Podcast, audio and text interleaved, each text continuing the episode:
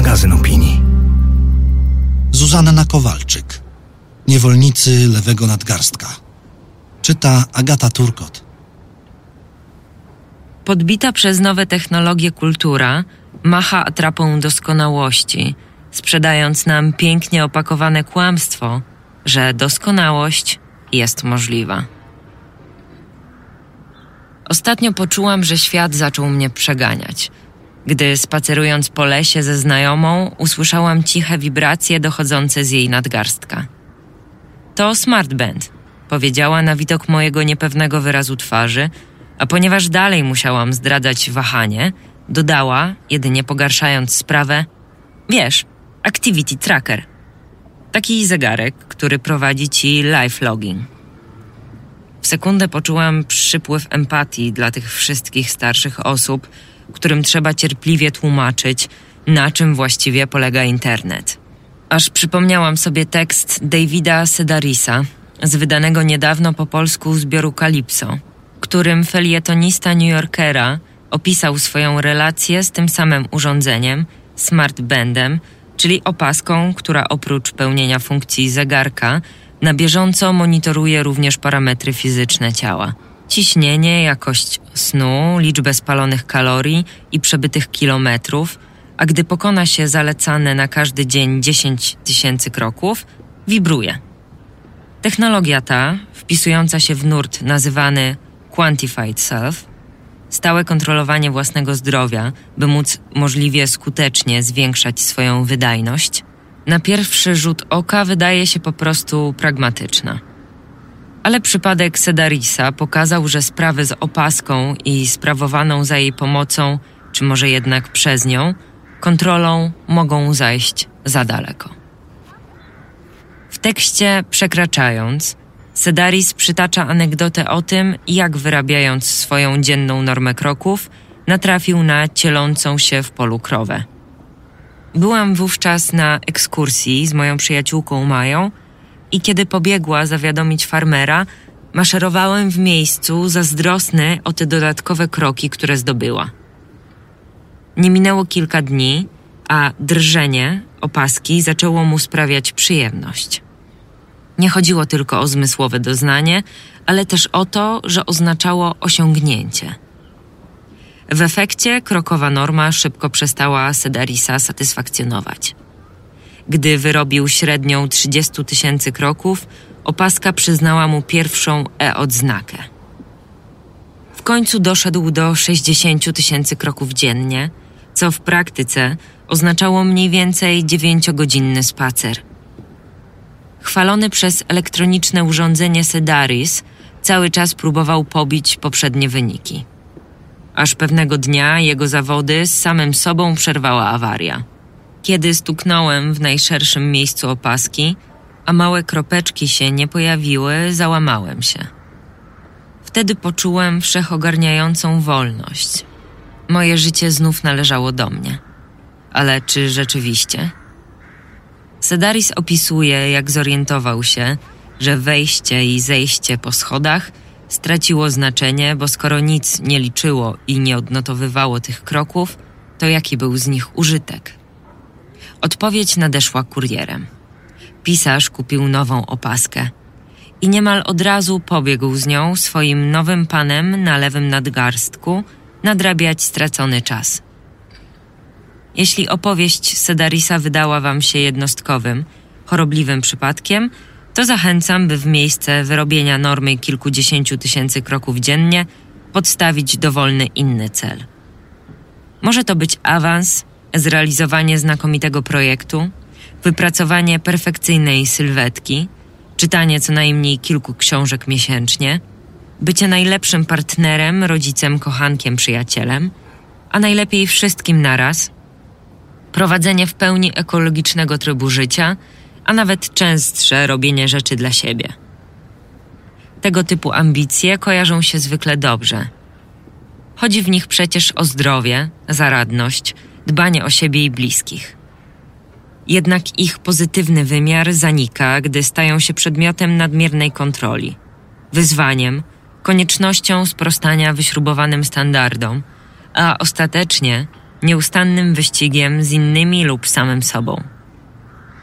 W tym wyścigu nie liczą się inne miejsca na podium niż pierwsze. Chcemy być najlepsi, bo wmówiono nam, że tylko w ten sposób zasłużymy na szczęście i poczucie spełnienia. Ale jednocześnie mało kto zadaje sobie pytanie, co to spełnienie i szczęście miałyby w zasadzie dla niego nie znaczyć. Tak jak mało kogo niepokoi fakt, że zdobycie żadnej z miniętych dotychczas met nie przyniosło trwałej satysfakcji. Więc być może cały wyścig zaprojektowano tak, by nigdy się nie kończył. By poprzeczka była ustawiana za każdym razem wyżej. Byśmy nieustannie czuli się za mali, za wolni, za słabi, za brzydcy i za głupi, bo tylko w ten sposób będziemy ciągle przyspieszać. I choć w teorii doskonale o tym wiemy, w praktyce dalej gonimy za doskonałością, a zatem za czymś, czego z definicji nie da się osiągnąć. Dlaczego więc to sobie robimy? Bo perfidia tego błędnego koła, będącego wykwitem i najlepszą ilustracją współczesnej kultury, tak zwanego cyfrowego kapitalizmu, polega właśnie na tym, że mamy zawsze winić siebie, czyli graczy, a nie system, czyli grę.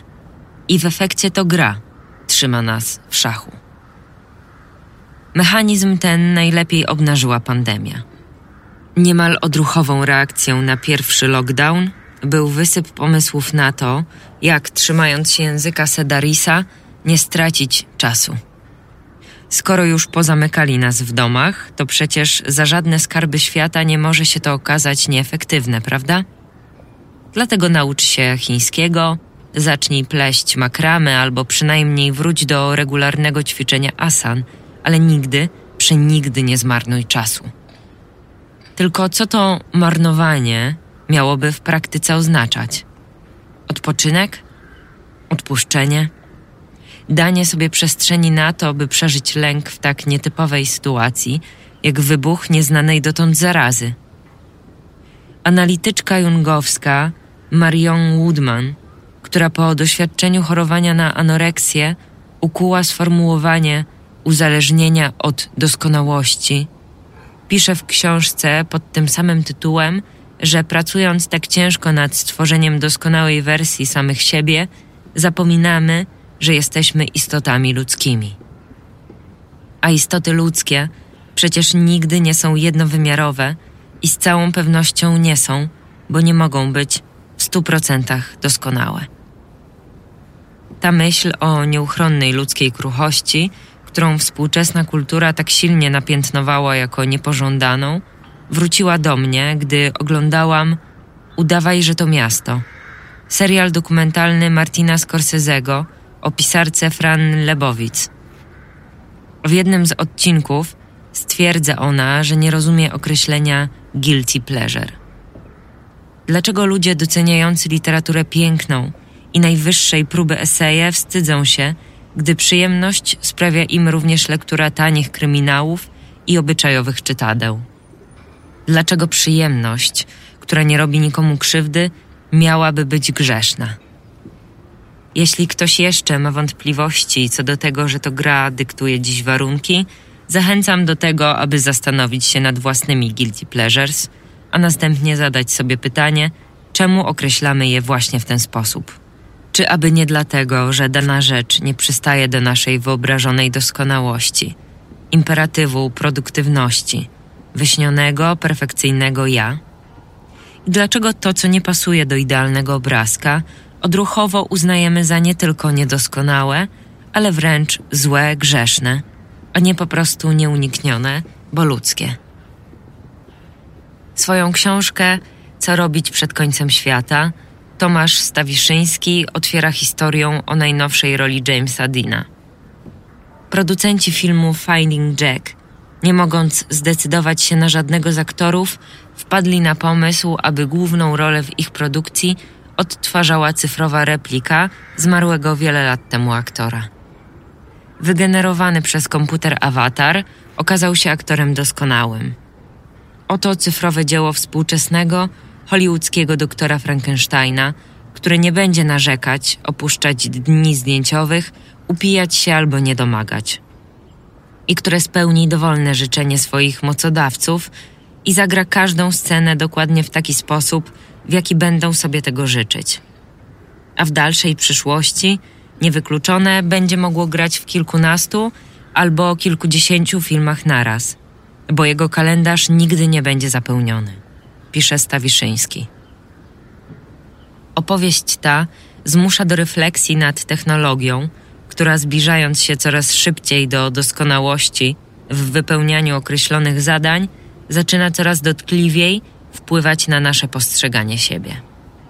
Próbując odpowiedzieć na pytanie, z czego bierze się tak powszechny dziś perfekcjonizm i niemal wszechobecne poczucie bycia niewystarczającym, trzeba więc wziąć pod uwagę wpływ czegoś, co nazywa się urealnieniem rzeczywistości wirtualnej. Owoce nowych technologii w porównaniu z ułomnymi, męczącymi się, uwikłanymi w codzienne troski ludźmi zawsze będą bardziej produktywne, precyzyjne, skuteczne. Ale czy to znaczy, że doskonałe? Kto i co ważniejsze, dlaczego postawił w tym miejscu znak równości? Nim postaram się odpowiedzieć na to pytanie, sądzę, że warto podkreślić skalę paradoksu, w jakim tkwimy. Podobnie jak stworzony komputerowo James Dean jest mniej kłopotliwym, a być może nawet bardziej plastycznym aktorem niż prawdziwy James Dean, tak samo nasze życie. Przycięte do rozmiarów instagramowego kwadratu, wykadrowane i przefiltrowane zgodnie z naszym rozumieniem doskonałości, oczyszczone z wad i porażek, sprowadzone do wrywanych z kontekstu wizji, będzie zawsze wydawało się lepsze od życia poza ekranem.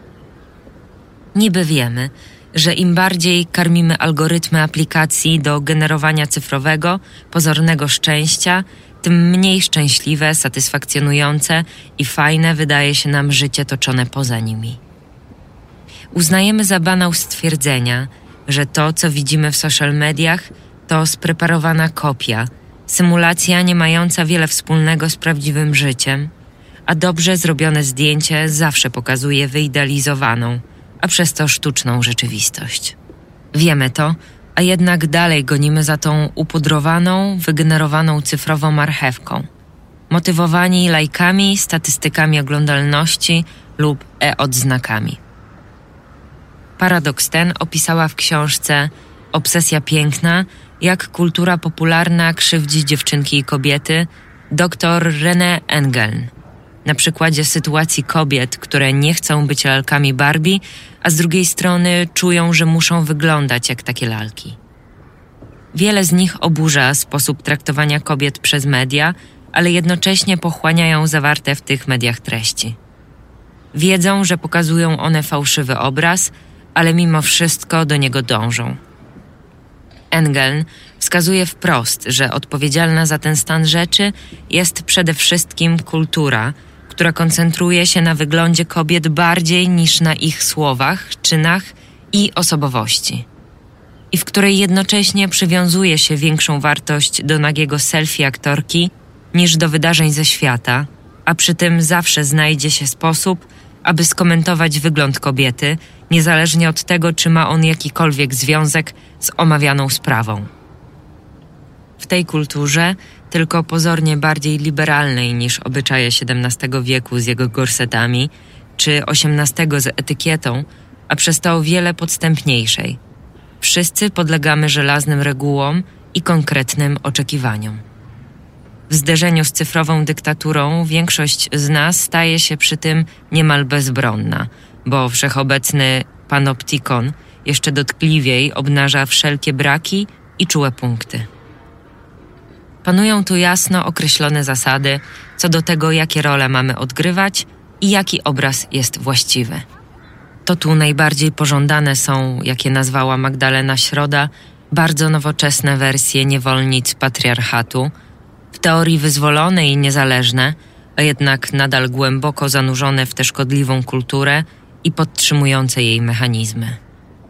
W efekcie, według danych przytoczonych przez Engeln w Obsesji Piękna, 40% dziewczynek w wieku od 5 do 9 lat chciałoby wyglądać szczuplej, a jedna trzecia twierdzi, że nieustannie martwi się o swoją sylwetkę. I problem ten tylko pogłębia się z wiekiem. Raport DAF o poczuciu piękna i samoocenie dziewcząt pokazał, że aż 8 na 10 młodych Polek w wieku od 10 do 17 lat ma niską samoocenę, a wśród nich 78% cierpi na zaburzenia odżywiania lub w inny sposób naraża swoje zdrowie, by sprostać wyśrubowanym standardom urody. 7 na 10 biorących udział w badaniu dziewczyn stwierdziło, że współczesna kultura wyznacza im nierealistyczny kanon piękna. 40% dostrzega, że media społecznościowe zwiększają presję związaną z wyglądem, a ponad połowa uważa, że w dzisiejszym świecie niezbędne jest spełnianie konkretnych standardów urody. 65% badanych dziewczyn stwierdziło przy tym, że piękne kobiety mają w życiu więcej możliwości. Nic dziwnego, że patrząc na to, co z naszą samooceną robi dzisiejsza kultura, Engeln mówi wprost. Kiedy przyglądam się współczesnemu światu, nieustannie utrwalanemu na selfie i zdominowanemu przez media społecznościowe, dziękuję opatrzności, że urodziłam się wcześniej. Zjawisko, które opisuje Engeln, można w moim odczuciu rozszerzyć do bardziej pojemnej kategorii obsesji doskonałości, która w przypadku kobiet najczęściej przyjmuje postać przymusu bycia sympatyczną, miłą i piękną, a w przypadku mężczyzn presji bycia silnym, niezachwianym i twardym jak głaz. Zdaniem Marion Woodman to między innymi w wyniku daleko posuniętego uprzedmiotowienia tłuszcz stanowi w naszej kulturze tabu, a więc nerwicowy problem z zaburzeniami odżywiania uderza w miejsce, które wywołuje największy ból w samocentrum kobiecego ego. Prowadzi to do izolacji, a izolacja zmusza do wycofania się w wewnętrzny świat, gdzie fantazje kompensują nieprzeżyte życie. Ten mechanizm nie dotyczy jednak wyłącznie osób cierpiących na zaburzenia odżywiania, ale wszystkich perfekcjonistów, którzy bardziej niż czegokolwiek innego boją się nieprzystawalności, a więc krytyki i odrzucenia. Źródło tych postaw jest jedno. To współczesna kultura podbita przez nowe technologie, które machając nam przed nosem atrapą doskonałości, sprzedały nam pięknie opakowane kłamstwo, że doskonałość jest możliwa. Konsekwencje tego przekłamania są wszechobecne. To seksizm, ale też niezdrowe wzorce męskości, chorobliwe trenowanie swojego ciała, presja związana z sukcesem i wielkością, a więc wszelkie oczekiwania z kosmosu, obliczone na to, by pozostały nierealne. W tym miejscu powraca zatem pytanie: po co? Dlaczego wyśrubowaliśmy sobie standardy tak, że nikt nie jest w stanie im sprostać? Kto na tym korzysta, skoro nie korzystamy my, twórcy i odbiorcy tej kultury? Karmiący, obracające się przeciwko nam algorytmy. Przyczyna tkwi jeszcze głębiej w mechanizmie, który wytworzył tę kulturę, a który zasadza się na rządzącej kapitalizmem regule, zgodnie z którą każdy z nas jest w pierwszej kolejności nie człowiekiem, a konsumentem. Tak skonstruowanej rzeczywistości wszystko zostaje podporządkowane logice rynku, a technologia i kultura mają ten stan rzeczy skutecznie podtrzymywać. To dlatego profesjonalizm zrównano z emocjonalną dysfunkcją i robotycznym kieratem, w którym nie mieszczą się trudne emocje. W efekcie wrażliwość stała się wrogiem publicznym numer jeden, bo w logice rynku nie liczy się człowiek, ale jego produktywność i zdolność do wzrostu, a więc czego innego jak nie samodoskonalenia. Jeśli więc jesteśmy w stanie wypracować system, który do tego wzrostu będzie nieustannie zagrzewał, i to w dodatku za pomocą najskuteczniejszego ze wszystkich narzędzi poczucia winy, to niezależnie od kosztów w postaci podkopania naszego samopoczucia lub niezależności, należy podążać tą właśnie drogą. Wystarczy, że będziemy cierpieć na chroniczny brak satysfakcji i niską samoocenę, a w efekcie odczuwać przymus spełniania niemożliwych do pogodzenia oczekiwań bez wyrozumiałości dla siebie i własnych ograniczeń, kojarzonych ze słabością, by na tę satysfakcję i uznanie wciąż usiłować zasłużyć. W końcu im bardziej czujemy się niespełnieni, tym łatwiej nasz brak satysfakcji zmonetyzować, sprzedając nam na niego rozmaite recepty i reglamentując kawałki wyrenderowanego cyfrowo fałszywego szczęścia, tak byśmy pozostali zmotywowani do szukania jego możliwie pełnej wersji. Im skuteczniej system wmówi nam, że jesteśmy za słabi, tym wierniej będziemy go zasilać, usiłując być nad wyraz silni. Ta inżynieria kompleksów to pułapka obliczona na bardzo konkretny cel.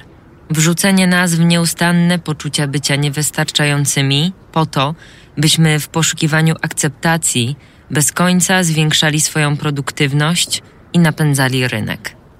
Skutki uboczne w postaci największego w historii badań odsetka depresji i samobójstw u młodych ludzi są w tej narracji zaledwie nieuniknionym kosztem, który trzeba ponieść na drodze do ciągłego rozwoju. Aby system ten działał możliwie sprawnie, nasza samoocena i motywacja powinny być warunkowane z zewnątrz. Kulturę cyfrowego kapitalizmu najlepiej zasila więc tak zwana zewnątrz sterowność. Pojęcie zaproponowane przez socjologa Davida Rizmana w książce Samotny tłum. Charakteryzuje ona typ osobowości szczególnie wrażliwy na presję i oczekiwania innych. Zewnętrzne uznanie i akceptacja stają się tu głównymi elementami tożsamości. Człowiek zewnątrz sterowny ma często problem z określeniem, czego chce i kim jest. Pozostaje przy tym bezlitosny w ocenie samego siebie. Sprowadzając nierzadko własne ja do zespołu odgrywanych ról i sumy swoich dokonań, uznanych jedynie wraz z pochwałą z zewnątrz, na przykład pozytywnym feedbackiem od szefa czy zachwytem jakiejś grupy. Riesman, jako jeden z przedstawicieli psychokulturalizmu, teorii zgodnie z którą każdy proces kulturowy należy widzieć w jego uwikłaniu w czynniki psychologiczne, wskazywał na to, jak wraz z przejściem do współczesnego kapitalizmu przedstawiciele zachodnich społeczeństw zaczęli stawać się coraz bardziej zewnątrz sterowni. To właśnie w tej tendencji upatrywał przyczyn rosnącej atomizacji, alienacji i rozpadu wspólnot, zjawisk prowadzących do powstania tytułowego samotnego tłumu. Choć książka Samotny tłum została opublikowana w 1950 roku, wydanie polskie 1971, po ponad 70 latach jej przesłanie wydaje się jeszcze bardziej aktualne. Opisywane przez Rizmana mechanizmy zostały bowiem jedynie wzmocnione przez nowe technologie. Jednym z takich zjawisk, uzupełniającym kategorię zewnątrz sterowności, a przy tym podbitym przez cyfrowe media, jest system wszechobecnej oceny. W odcinku Wszyscy są krytykami podcastu This American Life Michael Schulman, autor biografii Meryl Streep, opowiada, jak po publikacji swojej książki wpadł w obsesję śledzenia jej ocen na Amazonie. Mimo, że zdecydowana większość opinii była pozytywna, Schulman skupiał się wyłącznie na tych negatywnych. Krytyczne komentarze rezonowały w jego głowie, a on, głęboko nimi dotknięty, bez końca toczył w myślach urojone dyskusje, mnożąc argumenty za tym, dlaczego dana ocena jest niesprawiedliwa. W końcu postanowił sprawdzić pozostałe oceny wystawione przez jego najzagorzalszych krytyków innym autorom. Odkrył, że książki, które ci użytkownicy oceniali najwyżej, były kompletnie odmienne od tego, co napisał. Dotyczyły innych tematów, należały do innych gatunków, kierowane były do zupełnie innego odbiorcy. Schulman zorientował się, że jego krytycy po prostu przeważnie sięgali po książki, do których napisania on sam nigdy nie aspirował i z których autorami nigdy nie chciał się porównywać. W ten sposób doszedł do tego, że tak jak nie istnieje doskonały człowiek, nie istnieje doskonała książka. I to nie tylko dlatego, że wszyscy jesteśmy ułomni, ale również dlatego, że nie istnieje jedna obiektywna i powszechnie obowiązująca opinia w kwestii tego, co jest doskonałe. Więcej, te opinie najczęściej zwyczajnie się wykluczają. Przekaz mojej bańki mogłabym streścić następująco. Nie napinaj się, ale śpij przynajmniej 8 godzin na dobę. Przez pozostałe 16 jedz wyłącznie zdrową, przygotowywaną w domu żywność pozyskiwaną w etyczny sposób. Powinnaś wiedzieć, że mleko migdałowe jest prawie tak słabe jak krowie. Zarób na to pracą, którą kochasz i która zmienia świat na lepsze, ale zapewnia ci przy okazji work-life balance, pozwalając w razie choroby wziąć L4, a w razie decyzji o dziecku urlop macierzyński. Przydałoby się też pojechać na wakacje, ale takie, które będą nie tylko odpoczynkiem, lecz także prawdziwym podróżowaniem. Odpowiedzialnym, ale zanurzonym w lokalną kulturę. Odległym i pozwalającym odkryć coś nowego, ale bez zostawiania śladu węglowego. Głódź pracę z życiem rodzinnym i osobistym. Dzieci potrzebują bliskiej relacji z rodzicem, a twój partner ma mieć w tobie najlepszą przyjaciółkę i najlepszą kochankę. Ale wiesz, dbaj przy tym o siebie, o swój komfort, medytuj, znajduj czas na swoje pasje i regularne treningi. Wklepuj kremy, rzecz jasna wegańskie i w szklanych pojemnikach. I zasysaj uda antycelulitową bańką, ale bądź ciało pozytywna i kochaj siebie niezależnie od tego, jak wyglądasz. Bądź zaangażowana w życie swoich bliskich i przyjaciół. Zawsze służ im czasem i radą. Jednocześnie bądź asertywna i umiej stawiać granice. Angażuj się społecznie, chodź na protesty, pomagaj sąsiadom i innym kobietom. Bądź na bieżąco z sytuacją polityczną, tak w kraju, jak i w Wenezueli, i miej opinię na każdy temat, ale własną, oryginalną i jednocześnie miej w nosie, co inni myślą o tobie. Kupuj jedynie rzeczy Fairtrade, oczywiście wytwarzane oddolnie i lokalnie.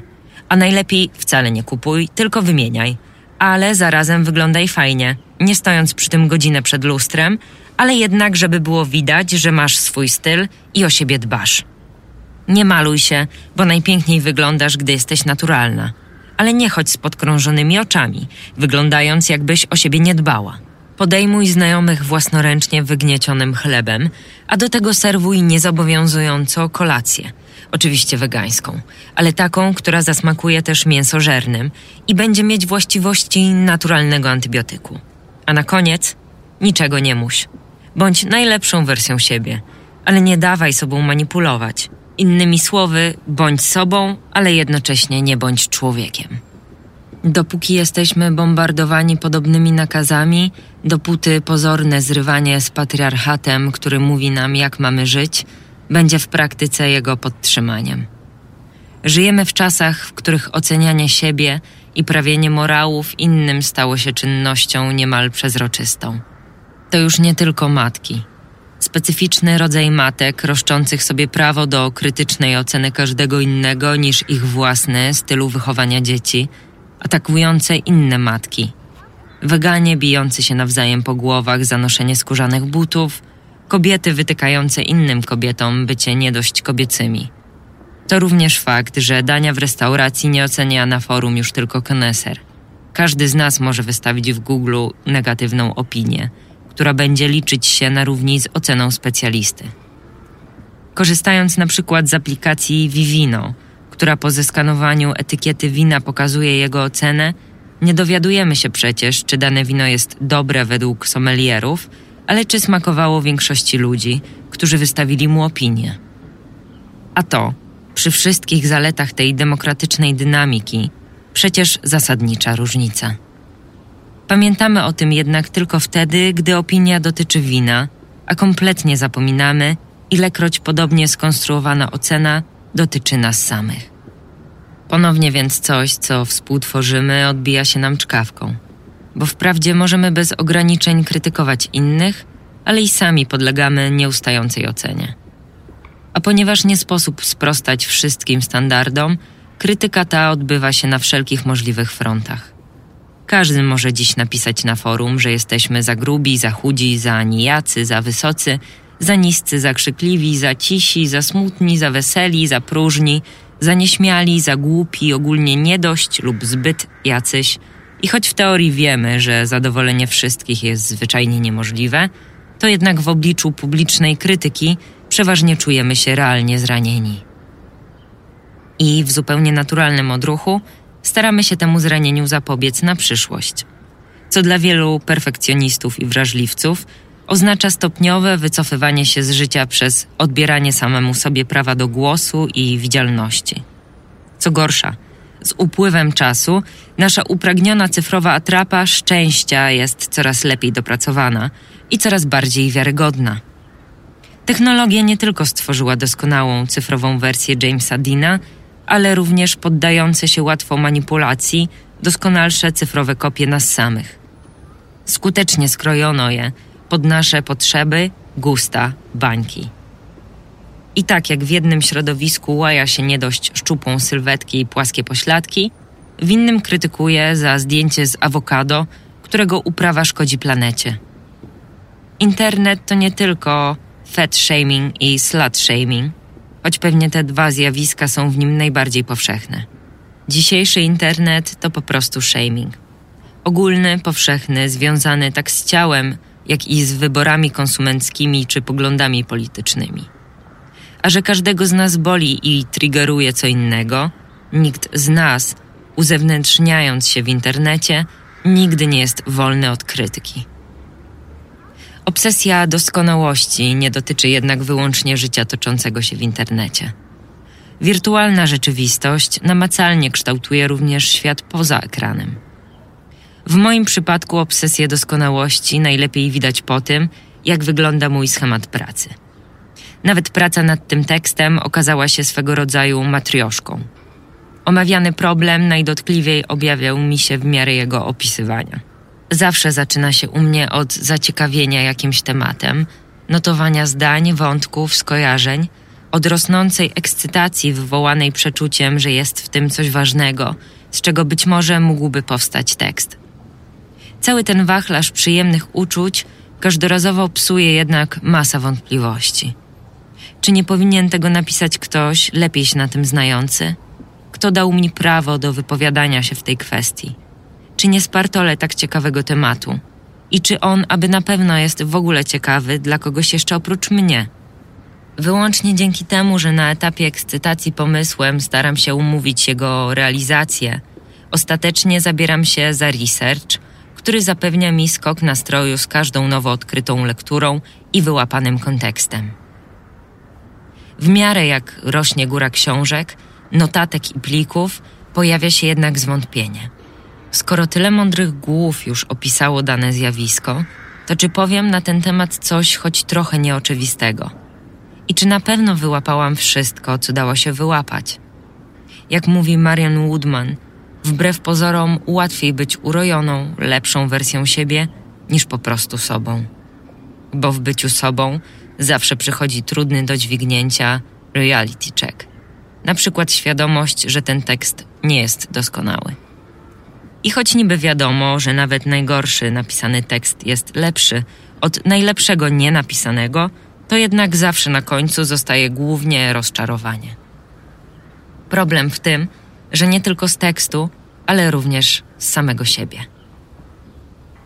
Obsesja doskonałości łączy się też z absurdalnym wyolbrzymieniem, zaburzeniem skali problemów. To tylko do cholery tekst. Zdjęcie, brzuch, projekt, obiad, trening. A jednak coś nieustannie wywołuje w nas przymus robienia rzeczy najlepiej. Jakieś błędne przekonanie, że to w byciu doskonałymi zawiera się obietnica nie tyle parnasu, co po prostu uznania, widzialności, słyszalności w skrócie, wartości. Oczywiście rozterki te nie tyczą się tylko pisania do gazety. Są obecne we wszelkich zajęciach i zawodach. Moja przyjaciółka, która swoimi kompetencjami kładzie na łopatki większość starszych od siebie pracowników, ma dziesiątki certyfikatów potwierdzających bardzo konkretną wiedzę i niemal same sukcesy na zawodowym koncie. Za każdym razem, gdy dostaje do poprowadzenia nowy projekt, jest przerażona, że coś zepsuje i czemuś nie podoła. Nazywa się to syndromem oszusta. Choćbyśmy w pełni zasługiwali na swoje stanowisko i ciężko zapracowali na znalezienie się w konkretnym miejscu, wciąż jesteśmy przekonani, że trafiliśmy tu przypadkiem. Po prostu nikt się jeszcze nie zorientował, że kompletnie się do tego nie nadajemy. Jedyne, co nam się udało, to oszukać pracodawcę, współpracowników, przyjaciół, partnera, rodziców, followersów z Facebooka. Ale to wszystko pozór. Doskonałe jest samo oszustwo, ale nam do doskonałości wciąż daleko. W uzależnieniu od doskonałości Marion Woodman pisze, że w takich warunkach nasza świadoma postawa zaczyna przypominać wilka domagającego się coraz więcej za dnia, a nocami wyjącego pragnę więcej, więcej, więcej. Oparte na etyce pracy i perfekcjonistycznych standardach wartości społeczne podtrzymują taką postawę w zawodowej dżungli. Ale społeczeństwo nie nakarmi samotnego wilka. Wilk musi więc ostatecznie wykarmić się sam z tego, co realnie ma. A jak to zrobić, skoro pogoń za doskonałością, a zatem za nieosiągalnym celem jest zanurzona w wiecznej przyszłości? Problem z ciągłym ściganiem się polega na tym, że uczestnicząc w tych zawodach, żyjemy wyłącznie tym, co będzie, a nie tym, co jest. Trudno nasycić się sukcesem, jeśli każdy sukces automatycznie zostaje pomniejszony o marzenie o kolejnym, generując nieustanne poczucie braku. W efekcie nie żyjemy, ale trwamy w oczekiwaniu na wspanialsze jutro. Kolejny lepszy tekst, kolejny lepszy dzień, kolejnych lepszych nas. W zbiorze reportaży i esejów, dryfując do Betlejem, Joan Didion pisze w tekście o szacunku do siebie samej, że sztuczki, którymi ogrywamy innych, niczego nie zdziałają w tym bardzo dobrze oświetlonym zaułku, w którym człowiek widuje się z samym sobą.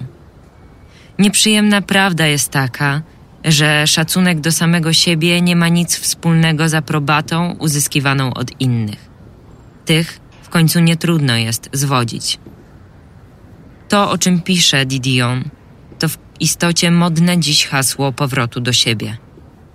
Konieczność zmierzenia się z prawdą na swój temat. Nie z jutrem, a z teraźniejszością, a zatem ze swoją niedoskonałością w pełnej rozpiętości. Przyznanie, że przykryty instagramowym filtrem obrazek nie jest naszą prawdziwą twarzą. Że czasem nie mamy na nic siły i śpimy do południa, że zdarza nam się zjeść mięso, choć staramy się być weganami. Że czasem źle posegregujemy śmieci i oddamy projekt, któremu dobrze zrobiłoby jeszcze kilka poprawek. Ale jednocześnie, zauważa Didion, obchodzić się bez szacunku do samej siebie to pozostawać mimowolną widownią niekończącego się dokumentu, który drobiazgowo ewidencjonuje wszystkie nasze niedociągnięcia, te prawdziwe i te wyobrażone – do którego z każdym kolejnym seansem doklejane są nowe ujęcia.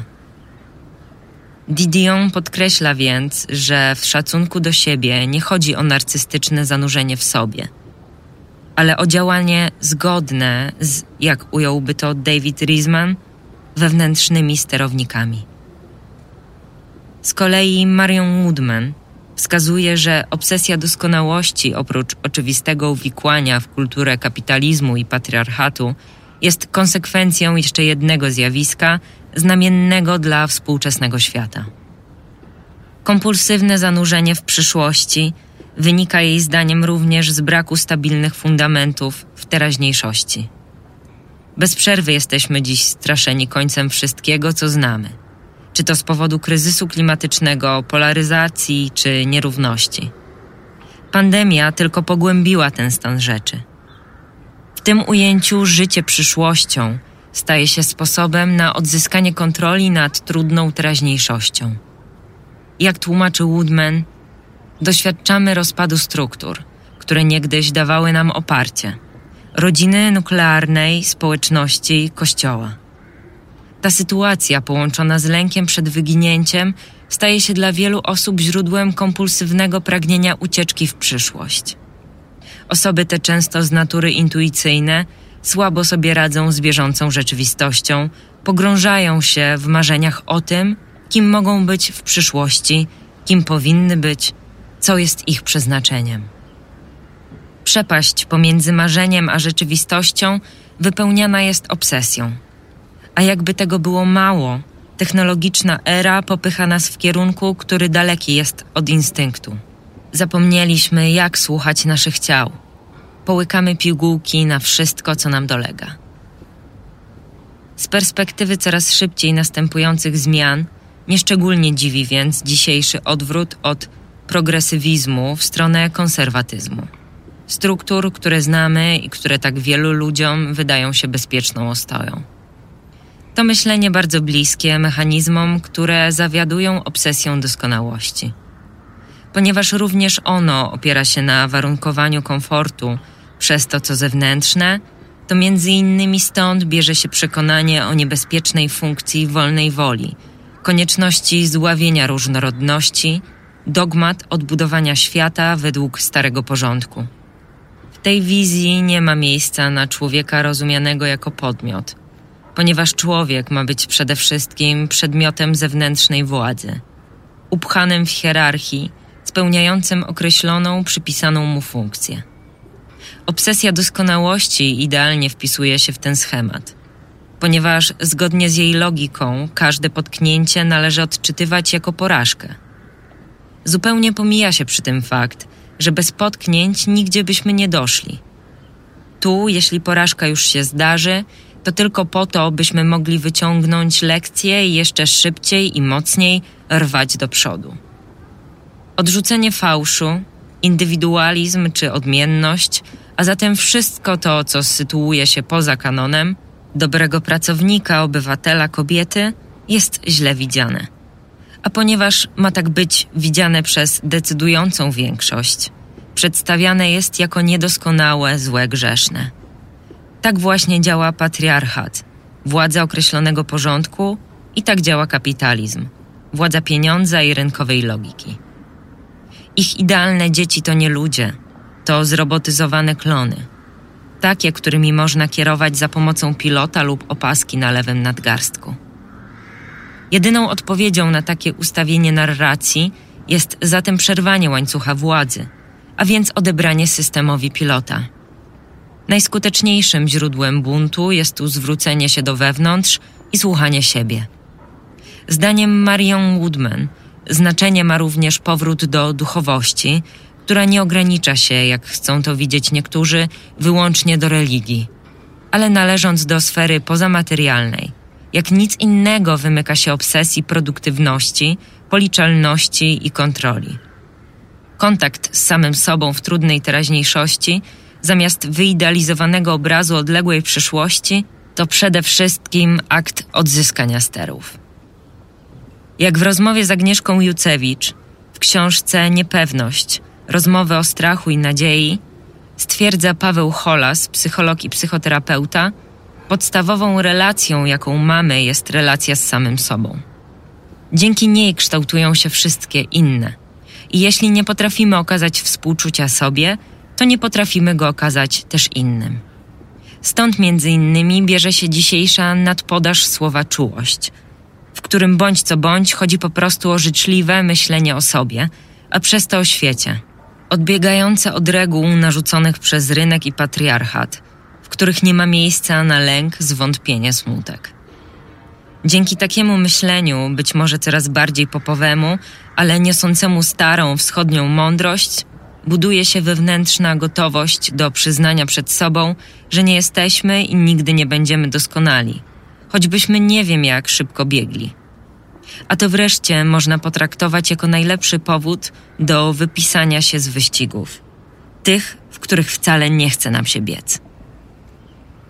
Dr Brené Brown, badaczka zajmująca się tematem wstydu, odwagi i wrażliwości, w swoim słynnym wystąpieniu w ramach TED Talks zatytułowanym Siła wrażliwości, opowiada o latach swoich badań nad relacjami międzyludzkimi. Kwestią najważniejszą dla tysięcy ludzi, którzy poddali się analizie i podzielili z badaczką swoimi historiami, okazał się wstyd. Lęk przed krytyką i odrzuceniem, a zatem u podstawy przed rozpadem lub niemożnością nawiązania relacji. Ludzie, którzy zdaniem Brown mieli niezachwiane poczucie przynależności i trwali w przekonaniu, że niezależnie od wszystkiego zasługują na akceptację i miłość, mieli większą łatwość przyznania się do swoich niedoskonałości. Dzięki temu budowali relacje oparte na tym, kim faktycznie byli, a nie kim sądzili, że być powinni. A zatem takie, w których czuli się ze sobą dobrze i nie musieli niczego udawać. Ludzie ci mieli też więcej współczucia i zrozumienia dla samych siebie, a dzięki temu również dla innych. Ponieważ, jak podkreśla Brown, nie możemy współczuć innym, jeśli nie potrafimy dobrze traktować samych siebie. Jednocześnie uważali oni swoją wrażliwość za siłę, a nie słabość, bo to ona pozwalała im nawiązywać wartościowe relacje, a dzięki temu być szczęśliwymi ludźmi. Odkrycie to okazało się zadziwiające dla samej Brown. Jako bodaczce przywiązanej do myśli, że każde zjawisko da się zmierzyć, policzyć, skontrolować i przewidzieć, a zatem osobie, która w moich wyobrażeniach też ma na nadgarstku mierzącą kroki opaskę, trudno było jej się skonfrontować z wynikiem własnych badań. Miała problem z zaakceptowaniem wniosku, że aby mieć dobre relacje z innymi i być spełnionym człowiekiem, trzeba porzucić tendencję do mierzenia, liczenia, kontrolowania i przewidywania i połączyć się ze swoją wrażliwością. Według badań Brown, to właśnie z powodu niezgody na utożsamianą ze słabością wrażliwość, niezgody tak mocno wpojonej nam przez współczesną kulturę wykluczającego emocje, robotycznego perfekcjonizmu, chorujemy dziś na obsesyjny brak spełnienia. Perfekcyjnie zaplanowane i skontrolowane życie ma być tarczą odbijającą wstyd, ból, lęk przed krytyką. W praktyce jednak staje się źródłem nieszczęścia i niemożności nawiązywania dobrych relacji ze światem. To tutaj, zdaniem Brown, obsesja doskonałości łączy się z religijnym i politycznym dogmatyzmem – im bardziej odrzucamy własną wrażliwość i przestrzeń na popełnianie błędów, tym bardziej kategoryczni, zgorzkniali i krytyczni stajemy się również wobec świata zewnętrznego, bo łatwiej przerzucać swój ból na innych. Dlatego Brown mówi nam odwagi. Taki właśnie tytuł nosi jej wystąpienie, które można obejrzeć na Netflixie. Odwagi w wychodzeniu do świata, w swojej niedoskonałości – a zatem robieniu tego, co skazuje nas na porażkę, krytykę i wyzwania, bo właśnie one jednocześnie warunkują osiągnięcie satysfakcji, miłości i szczęścia. Jeśli ktoś potrzebuje na te mądrości naukowego glejtu, to Brown stwierdza wprost. W naszych badaniach mierzymy odwagę badanych osób przez pomiar ich gotowości do wrażliwości. Co to znaczy? Wrażliwość w ujęciu Brown to gotowość, poczucia niepewności, zagrożenia i emocjonalnego obnażenia. Tych wszystkich trudnych uczuć, które stają się przepustką do odwagi. A odwaga wreszcie, jak przekonuje badaczka, wystawiając nas na krytykę i trudne emocje, pozwala nam zjednywać sobie ludzi. Bo choć dążymy do doskonałości, to przecież sami za doskonałymi ludźmi nie przepadamy. Wolimy tych prawdziwych, a więc szczerych, także w kwestii własnych niedociągnięć. Niejednokrotnie w miarę pisania tego tekstu odzywały się we mnie konsekwencje wychowania na kapitalistycznych ideałach produktywności i zaradności. A zatem pojawiała się wątpliwość: czy jeśli wszyscy sobie odpuścimy, zaufamy swojej wrażliwości, to nie pogrążymy się w bierności, czy nie utracimy w efekcie własnej sprawczości? Podobnie jak w przypadku doskonałości, i tu należałoby jednak zadać pytanie, czym właściwie jest sprawczość. I czy przypadkiem nie mamy jej więcej, gdy uwalniamy się od zewnętrznej presji? Nie znaczy to, że nie należy w ogóle biec, ale że być może nasz wyścig toczy się na zupełnie innym torze, w innym kierunku i w innym tempie. Moje silnie zinternalizowane przekonanie, że ciężka praca, oddanie i konsekwencja to jedne z najważniejszych cnót, nie musi wcale stać w opozycji do narracji przełamującej obsesję doskonałości. Nie chodzi przecież o to, żeby się nie rozwijać, nie doskonalić i nie walczyć o swoje. Chodzi wyłącznie o to, żeby zamiast walczyć o to, co ktoś wskazał nam jako nasze, nauczyć się definiować, co jest nasze naprawdę i akceptować swoją wrażliwość. Gdy myślę o perfekcjonizmie, Przypomina mi się film Jiro o Sushi. Historia światowej sławy mistrza sushi, który poświęcił całe życie doskonaleniu kulinarnego kunsztu, rzemiosła jednej potrawy. Wydaje mi się, że nie ma tu błędu tak długo, jak Jiro naprawdę śni o sushi, a nie o tym, by oprócz bycia najlepszym szefem kuchni, być też na przykład najlepszym maratończykiem, menedżerem i ojcem. System oparty na zewnętrznej kontroli, jeśli ma sprawować nad nami władzę, musi utrzymywać nas w braku zaufania do samych siebie. To stąd bierze się wątpliwość, czy odpuszczenie sobie nie wtrąci nas w bierność.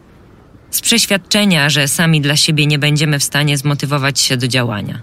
A to, jak wskazują wszelkie dostępne dane, jest po prostu bzdura. Według badań Polskiego Instytutu Ekonomicznego 73% pracujących Polaków twierdzi, że kontynuowałoby pracę zawodową, gdyby otrzymywało świadczenie w postaci bezwarunkowego dochodu podstawowego. Jednocześnie jedynie 22% Polaków twierdzi, że inni Polacy kontynuowaliby pracę zawodową, gdyby otrzymywali takie świadczenie.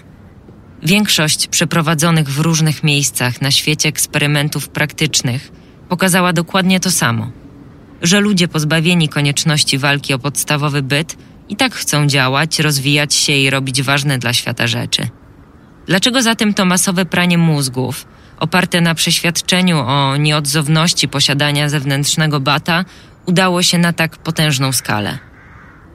Jedna z hipotez głosi, że wybierane do tej pory narzędzia sprzeciwu wobec systemu późnego kapitalizmu były zwyczajnie nieskuteczne, ponieważ, jak zauważa Mark Fisher w książce Realizm kapitalistyczny, czy nie ma alternatywy, moralna krytyka kapitalizmu, podkreślająca to, w jaki sposób prowadzi do cierpienia, tylko go wzmacnia.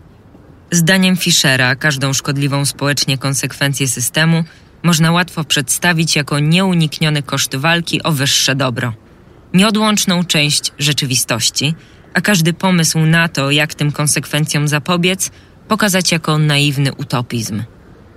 Dlatego, jak twierdzi Fischer, realizmowi kapitalistycznemu można zagrozić tylko wtedy, kiedy wykaże się, że jest nie do utrzymania bądź niespójny. To znaczy wtedy, kiedy okaże się, że rzekomy realizm kapitalizmu absolutnie nim nie jest. Zupełnie jak doskonałość. Znamie tego realizmu. Pokonać obsesję na jej punkcie to nie tylko pokazać skutki dążenia do niej, ale przede wszystkim dowieść, że cel, osiągnięcie doskonałości, jest niemożliwy do zrealizowania. Wydaje się, że zrobienie tego, o czym pisał Fischer, nigdy dotąd nie było zarazem tak proste i tak trudne. Trudne, ponieważ funkcjonując w rzeczywistości przysiąkniętej cyfrowymi atrapami, coraz trudniej oddzielić kopię od rzeczywistości, ale jednocześnie proste, ponieważ wraz z pogarszającą się sytuacją globalną coraz dotkliwiej dociera do nas rozdźwięk pomiędzy światem z ekranu a światem za okna. Nagle niemal wszyscy doświadczamy strachu i niepewności. A im bardziej ich doświadczamy, tym bardziej rodzi się w nas empatia i rosną wątpliwości wobec sensu presji doskonałości. Być może więc zbliżamy się do momentu, w którym uda się obwinić grę, a nie graczy. Przerzucić odpowiedzialność z jednostek na porządek społeczny, w którym funkcjonują. Być może przyparci do muru, wreszcie uświadomimy sobie, że zostaliśmy pod nim postawieni. Być może dzięki odzyskaniu wewnętrznych sterowników odrzucimy wreszcie zewnętrznego pilota. Zrzucimy z nadgarstka opaskę. Zaakceptujemy i wykorzystamy swoją wrażliwość.